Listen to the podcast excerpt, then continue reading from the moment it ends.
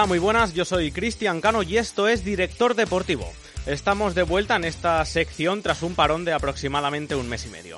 En esta ocasión no estamos aquí para fichar, debido a que está a punto de cerrarse el mercado de fichajes, sino que para ver y analizar qué movimientos han hecho los clubes de fútbol más importantes del mundo.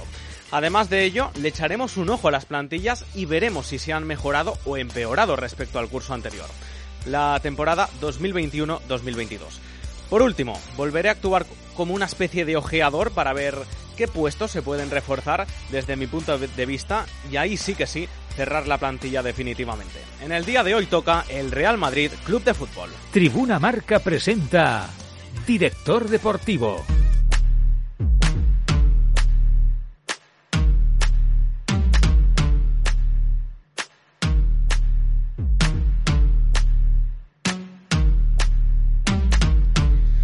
Lo primero que vamos a hacer es comentar y analizar las altas y las bajas que han habido en el conjunto blanco.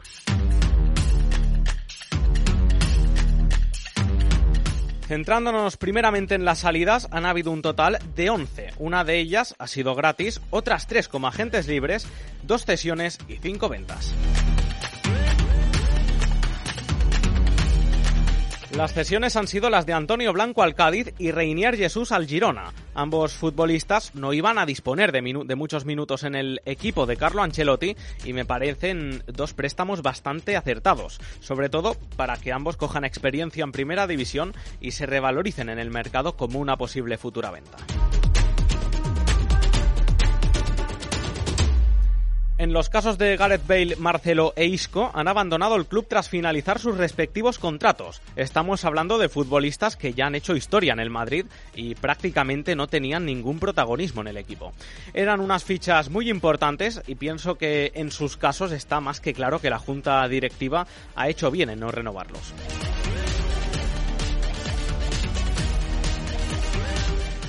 La operación de Luka Jovic, por llamarla de alguna manera, ha sido algo similar. El serbio no finalizaba su contrato hasta junio del 2025, sin embargo, el cuadro de la capital le ha dejado salir a la Fiorentina por cero euros. Yo creo que es un error por parte del Real Madrid el haberlo regalado a, Lu Luka Jovic. En el verano del 2019 se hizo una inversión importante por él, se gastaron alrededor de 60 millones de euros y nunca se le ha dado una oportunidad al jugador. Siempre que ha jugado han sido minutos sueltos, saltando al césped como suplente o disputando encuentros que no tenían ninguna importancia. Con esto me refiero a las últimas jornadas de liga en las que los blancos no se disputaban nada y ya eran campeones, por ejemplo.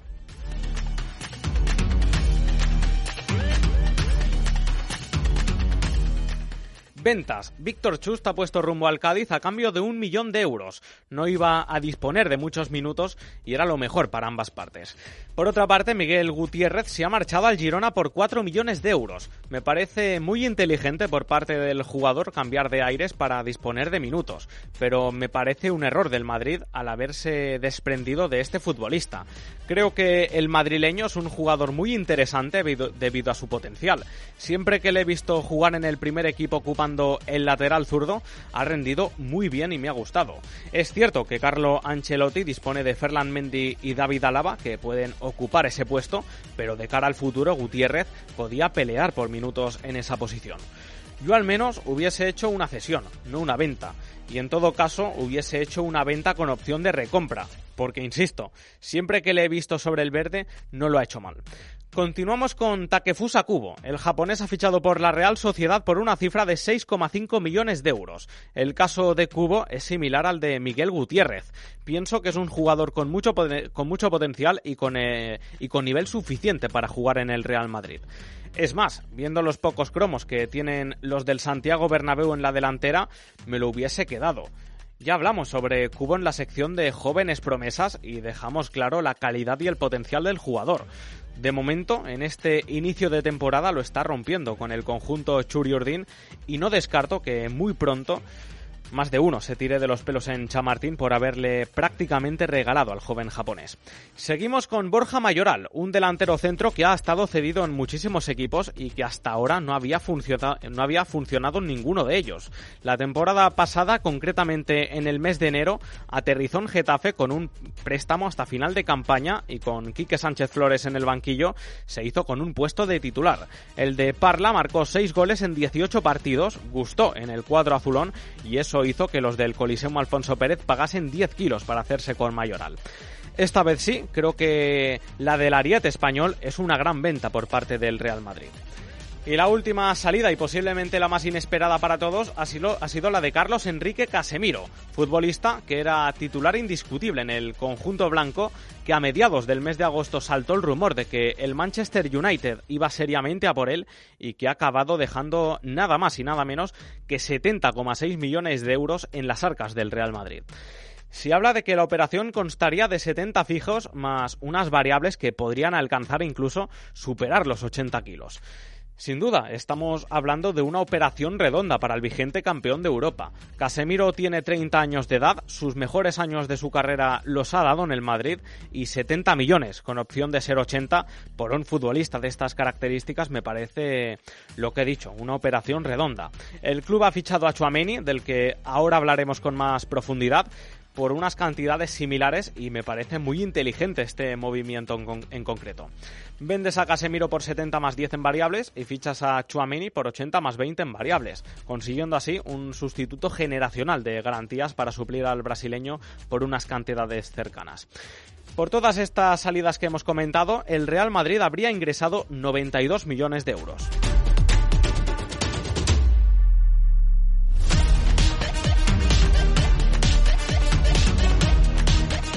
Ahora vamos a centrarnos en los fichajes que ha llevado a cabo el Real Madrid que tan solo han sido dos. El primero de ellos ha sido el de Antonio Rudiger. El central alemán de 29 años llegó a la capital de España procedente del Chelsea tras finalizar su contrato.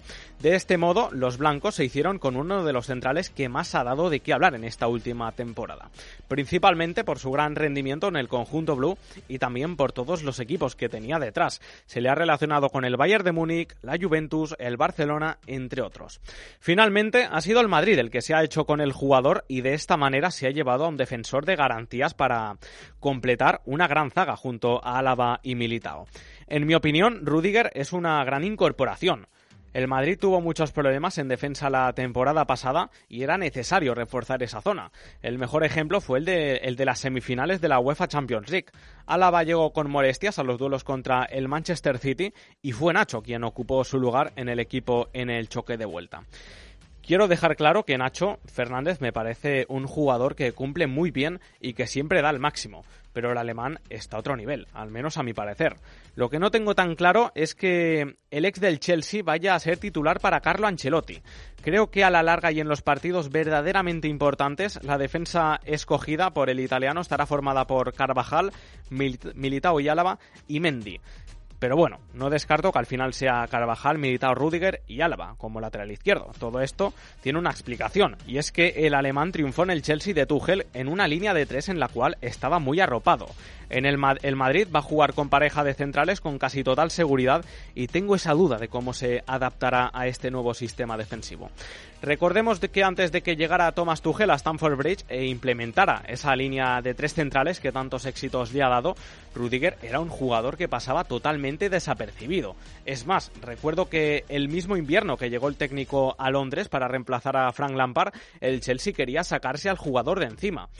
De momento, entre la pretemporada y el inicio de la liga, veo a Ancelotti con dudas de dónde colocarle. Le ha puesto ya en varios puestos y hasta el momento la línea que mejor le ha funcionado ha sido la que he comentado. Una línea de cuatro formada por Carvajal en derecha, Militao y Álava en el centro y Mendy por izquierda.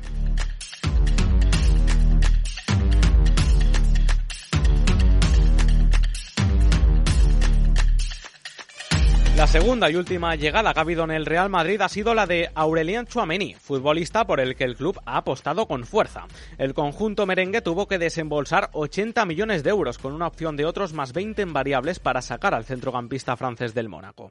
A priori, según por lo que cuentan, llega para ser el pivote del equipo en los próximos años. Viendo el rendimiento que mostró la temporada pasada en el cuadro monegasco, tiene nivel para ser importante en el Real Madrid.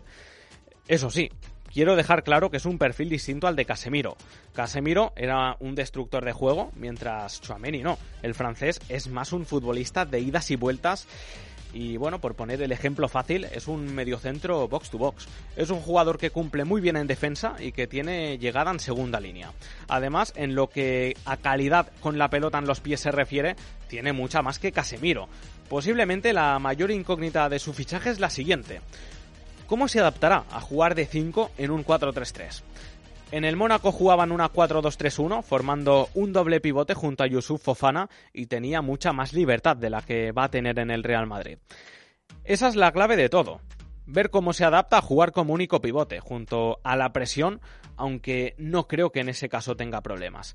Es cierto que en el partido contra la Almería y en la pretemporada se le vio un poco verde, pero contra el Celta y Español estuvo bastante bien. Hace unos meses hablamos sobre Aurelian Chouameni en Jóvenes Promesas y dejé claro que a mí al menos me pareció un jugador muy interesante. Veremos qué tal sustituye a Casemiro porque con su salida al francés tiene un papelón muy importante. Con todas las incorporaciones que ha hecho el Real Madrid, que son las de Antonio Rudiger y las de Aurelian Chouameni, el Real Madrid se ha gastado 80 millones de euros en este mercado de fichajes veraniego, generando de esta manera unos beneficios de más 12 kilos entre altas y bajas.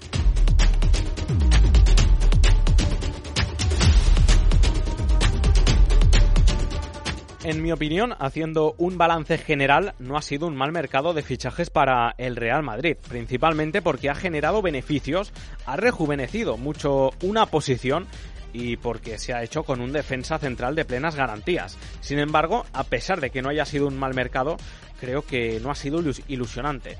Creo que muchos aficionados madridistas no están ilusionados con el equipo que se ha hecho para la próxima temporada. Mantienes a gran parte del equipo que ganó la Liga y la Champions, pero no se ha fichado a una bomba entre comillas como hubiesen sido, por ejemplo, Kylian Mbappé o Erling Haaland. Sobre todo en el caso del primero, del cual se daba por hecha su llegada. Además de ello, como luego comentaré, pienso que todavía hay varios puntos a reforzar dentro de la plantilla. Si tuviese que dar una nota del 0 al 10 del mercado de fichajes del Real Madrid, creo que pondría un suficiente, un 5,5. Director Deportivo, con Cristian Cano.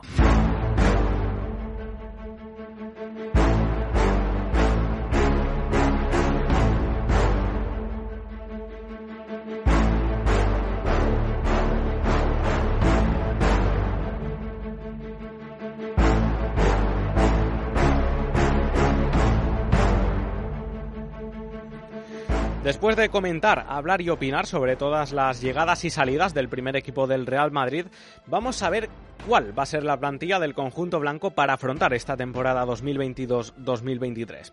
Porteros serán Thibaut Courtois y Andrew Lunin. Defensas, Dani Carvajal, Álvaro Driozola, Eder Militao, David Alaba, Antonio Rudiger, Nacho Fernández, Jesús Vallejo y Ferland Mendy. Centrocampistas, Aurelian Chouameni, Tony Cross, Luca Modric, Eduardo Camavinga, Federico Valverde y Dani Ceballos.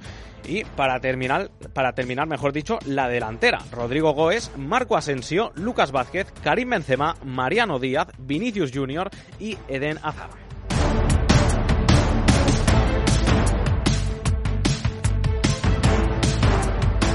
La plantilla del Real Madrid consta de 23 futbolistas con ficha del primer equipo. La edad media de todo el grupo de jugadores es de 27 años de edad, cosa que no está nada mal. Eso significa que no es una plantilla ni muy veterana ni muy joven. Además, por lo que se dice, los 26, 27, 28 debería ser el momento cumbre de la carrera de los futbolistas. Cosa que con el paso de los años pues pierde más credibilidad. Simplemente tenemos que fijarnos ¿no? en los ejemplos de Karim Benzema y Luka Modric, quienes parece que estén viviendo una segunda juventud.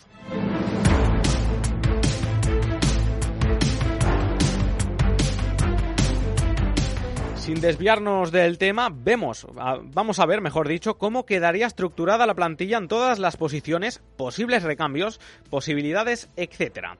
Primero, en portería, bastante simple, como, hemos comentado, Thibaut Courtois, que a priori será el titular, y Andrew Lunin. En el lateral derecho podrían ocupar esa posición hasta cinco futbolistas, que serían Carvajal, Odriozola, Lucas, Nacho y Militao, como opción de bastante urgencia. Aunque recordemos que el brasileño en el Oporto jugaba en, en esa posición. Central derecho, Militao, Rudiger, Nacho y Vallejo. Lateral izquierdo, Álava y Rudiger. Y en el lateral izquierdo, Mendy, Álava y Nacho. Nacho también, mm, bastante precaución en este caso, bastante urgencia debería, bastantes urgencias deberían suceder, ¿no? Como por ejemplo lesiones de Mendy y Álava, porque a ver, Nacho, mm, su posición natural es central. Como mucho también podría ocupar lateral derecho, pero es que lateral izquierdo Vimos en el partido contra el Barça, ¿no? Que Dembélé le rompió la cadera en más de una ocasión.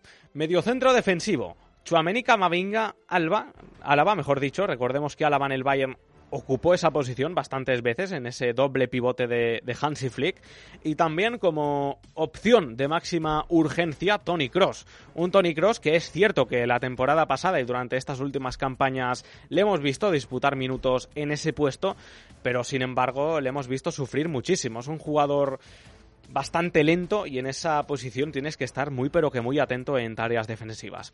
Interior derecho, Luca Modric, Fede Valverde, que realmente debería ser su posición, Camavinga, Chuamení y Asensio.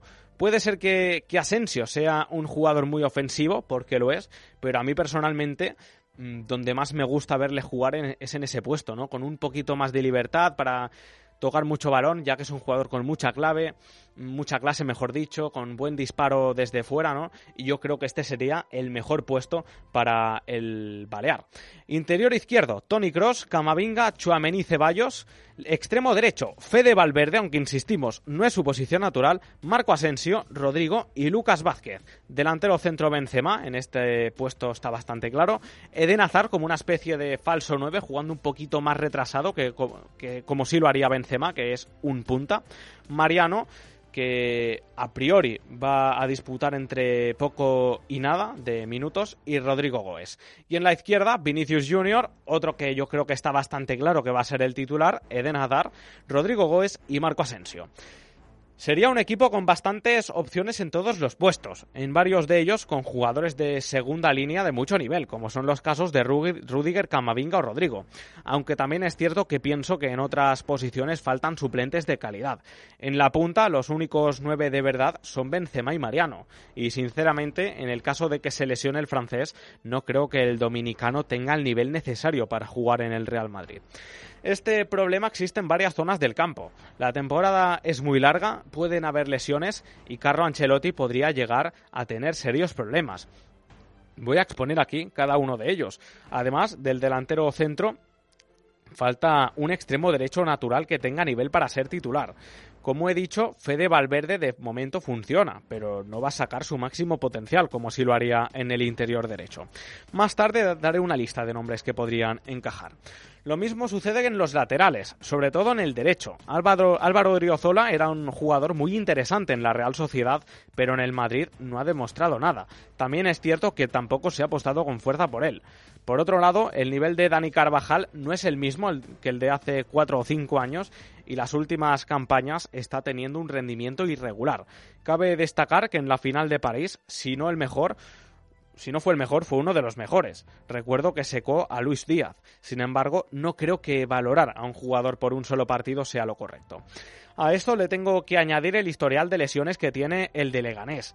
Esperemos que no le suceda nada, pero no hay que descartar, que, que tenga problemas físicos a lo largo de la temporada.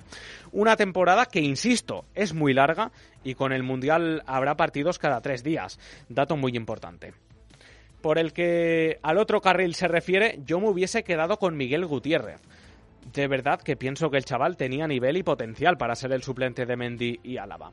Sin enrollarme mucho más, creo que es una buena plantilla con grandes jugadores, pero que falta fondo de armario.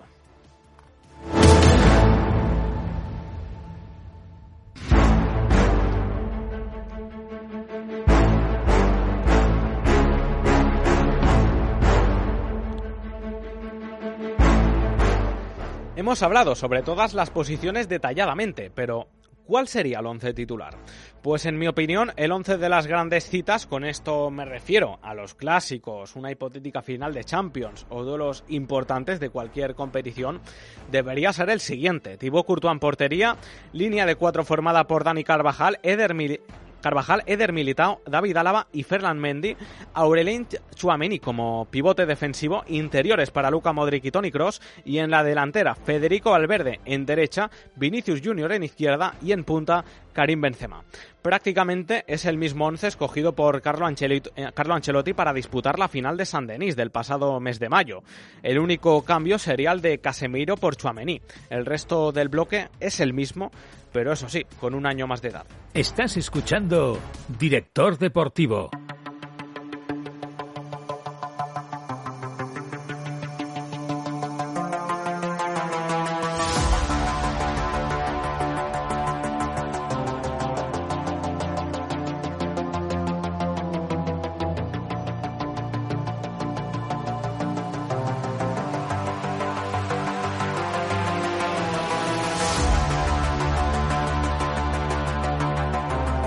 Después de analizar el equipo y comentar sus puntos flacos, vamos a ver qué opciones serían interesantes para reforzar la plantilla.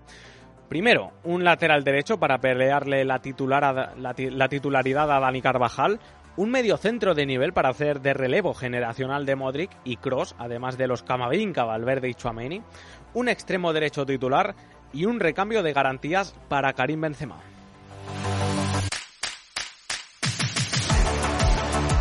Empezamos por el lateral diestro, donde sinceramente no es que haya un extenso catálogo de jugadores top en esa posición. Es más, podría contarlos con los dedos de una mano. Sin duda, las opciones más interesantes y más destacables serían las siguientes. Trent Alexander Arnold, quien tiene un valor de 80 millones de euros según Transfer Market, Raf Hakimi, 65 millones de euros según Transfer Market, y Rhys James, 60 millones de euros según Transfer Market. Yo de estas tres veo más realista la de Rhys James. Por Trent Alexander Arnold mínimo serían 150 kilos y estoy convencido de que, de que el PSG es que no se sentaría ni a negociar por Asraf. Por otro lado, pienso que el fichaje de Rhys James también sería muy complicado, sin embargo lo veo más probable. Finaliza contrato en 2025, puede ser que el verano que viene sea la última oportunidad del Chelsea para venderlo por un precio muy alto, un precio que calculo que serían unos 60, 70, incluso 80 millones de euros y supongo que el futbolista estaría dispuesto a abandonar, el conjunto blue para recalar en el Real Madrid. Si esto no fuera posible, hay más opciones, pero no del mismo nivel, como por ejemplo las de Benjamin Pavard, que ahora con Mazraoui va a tener problemas para ser el lateral derecho del Bayern de Múnich, Juan Foyt, Jeremy Frimpong o también la de Tino Libramento, jugador del que ya hablamos hace unos meses y que es muy, pero que muy interesante. Sin embargo, insisto, mi, sería, mi apuesta sería por Rhys James.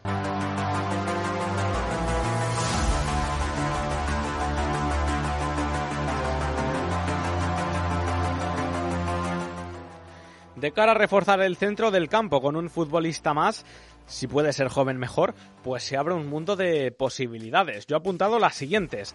Jude Bellingham, que tiene un valor de mercado de 80 millones de euros según Transfer Market. Sergej Milinkovic-Savic, 70 millones de euros. Yuri Tielemans, 55 millones de euros de valor. Y Carlos Soler, que tiene un valor también de 50 kilos. Sin ningún tipo de dudas, Bellingham es el más interesante de estos nombres que he dado y posiblemente también sea el centrocampista más interesante y uno de los más cotizados que habría en el mercado. Se empieza a rumorear de que podría abandonar el Borussia Dortmund en 2023 para dar el siguiente paso, el siguiente paso en su carrera y el Madrid sería uno de los clubes que más posibilidades tendría de hacerse con, con el inglés de 19 años de edad. Sería un traspaso muy pero que muy complicado y más conociendo las exigencias que normalmente pide el Dortmund, pero yo al menos creo que es posible. Si Bellingham fuese totalmente inaccesible, que es, es posible, las opciones de Belinkovic, Savic, Zieleman y Soler serían las más interesantes. El primero finaliza contrato en 2024 y la Lazio tendría mucho margen de maniobra para sacar una no tendría mucho margen de maniobra para sacar una cantidad alta de dinero. Mientras los dos últimos finalizan contrato en el próximo mes de junio y podrían llegar al Santiago Bernabéu totalmente gratis. Eso sí, con una prima de fichaje para el futbolista. Aunque bueno, en el caso de Carlos Soler parece que en estas últimas horas se rumorea que se está cerrando su traspaso por el Paris Saint-Germain y bueno, si esto acabase sucediendo, pues el valenciano no podría llegar al Santiago Bernabéu.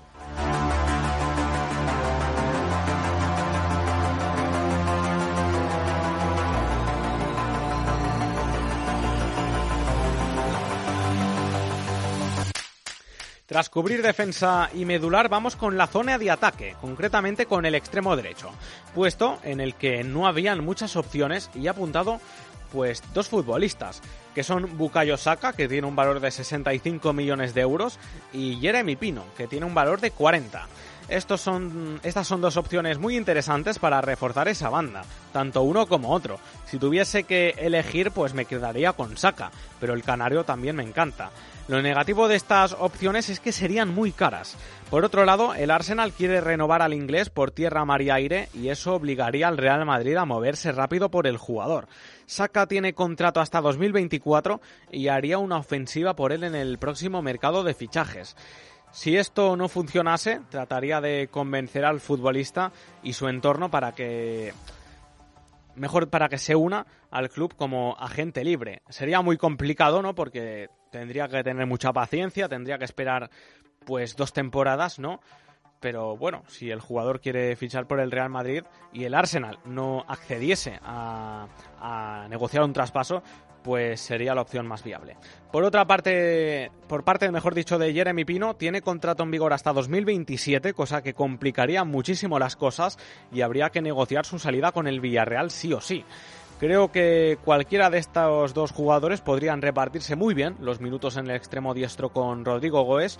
Un Rodrigo Goes que esa banda no es su posición natural, sino que es la de la izquierda.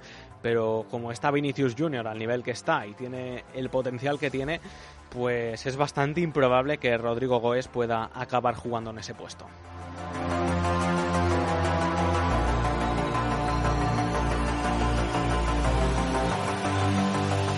Como posible recambio de Benzema he encontrado dos opciones que podrían estar bastante bien, que son las de Andrés Silva, que tiene un valor de 32 millones de euros, y Raúl de Tomás, que tiene un valor también de 25 kilos. Yo si tuviese que quedarme con uno de los dos sería con RDT. Tiene ya mucha experiencia en la liga, la temporada pasada marcó 17 goles con el español y además tiene pasado madridista, cosa que creo que facilitaría bastante las cosas. También quiero añadir que pienso que tendría un, un precio más bajo que Andrés Silva.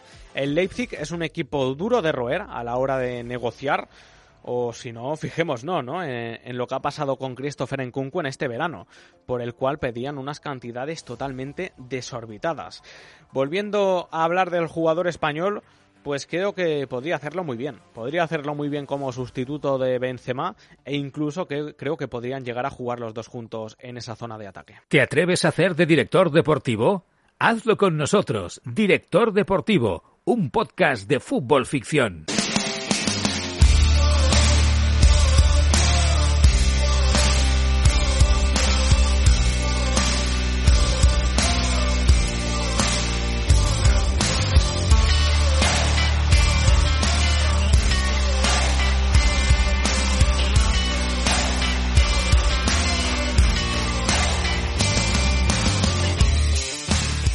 Hasta aquí mi, análisis del mercado de fichajes y la plantilla que ha formado el Real Madrid para esta temporada. Como siempre, muchas gracias por escucharnos. La semana que viene hablaremos sobre otro equipo.